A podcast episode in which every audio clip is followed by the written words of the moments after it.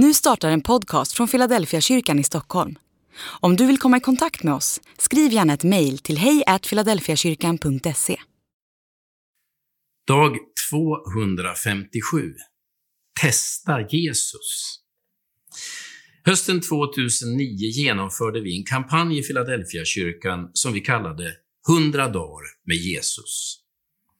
Som en del av vår satsning satte vi upp en banderoll utanför Philadelphia där det stod Testa Jesus i 100 dagar.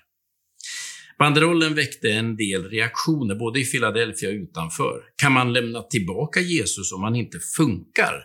frågade någon i sin blogg. Varje dag passerar flera tusen människor Philadelphia-kyrkan till och från pendeln. Och just den här hösten var det en kvinna som hette Hanna som såg vår banderoll. Hennes man Mattias låg på sjukhus med en mycket svår hjärtsjukdom och han hade bett henne gå till Philadelphia-kyrkan.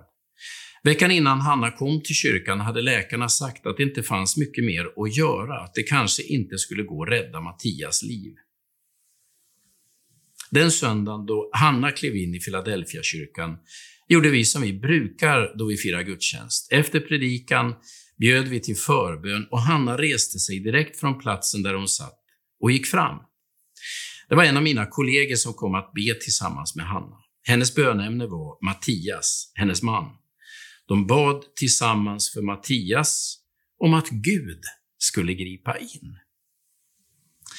Under veckan som kom skedde ett under med Mattias. Hans infektionsvärden sjönk dramatiskt och på onsdagen gick läkarna med på att han skulle få åka hem på permission. När han ringde till Hanna och bad henne hämta honom trodde hon att han yra, så han fick ta taxi hem istället.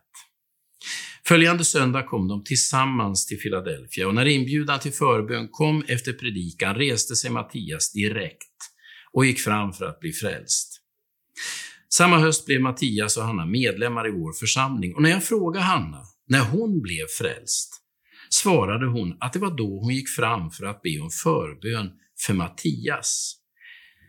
När hon kom för att be om hjälp för sin man blev det hennes egen frälsningsupplevelse. Hanna är, eh, Hanna är en av alla de som har kommit till Jesus för någon annans skull och som själv blivit frälst på kuppen.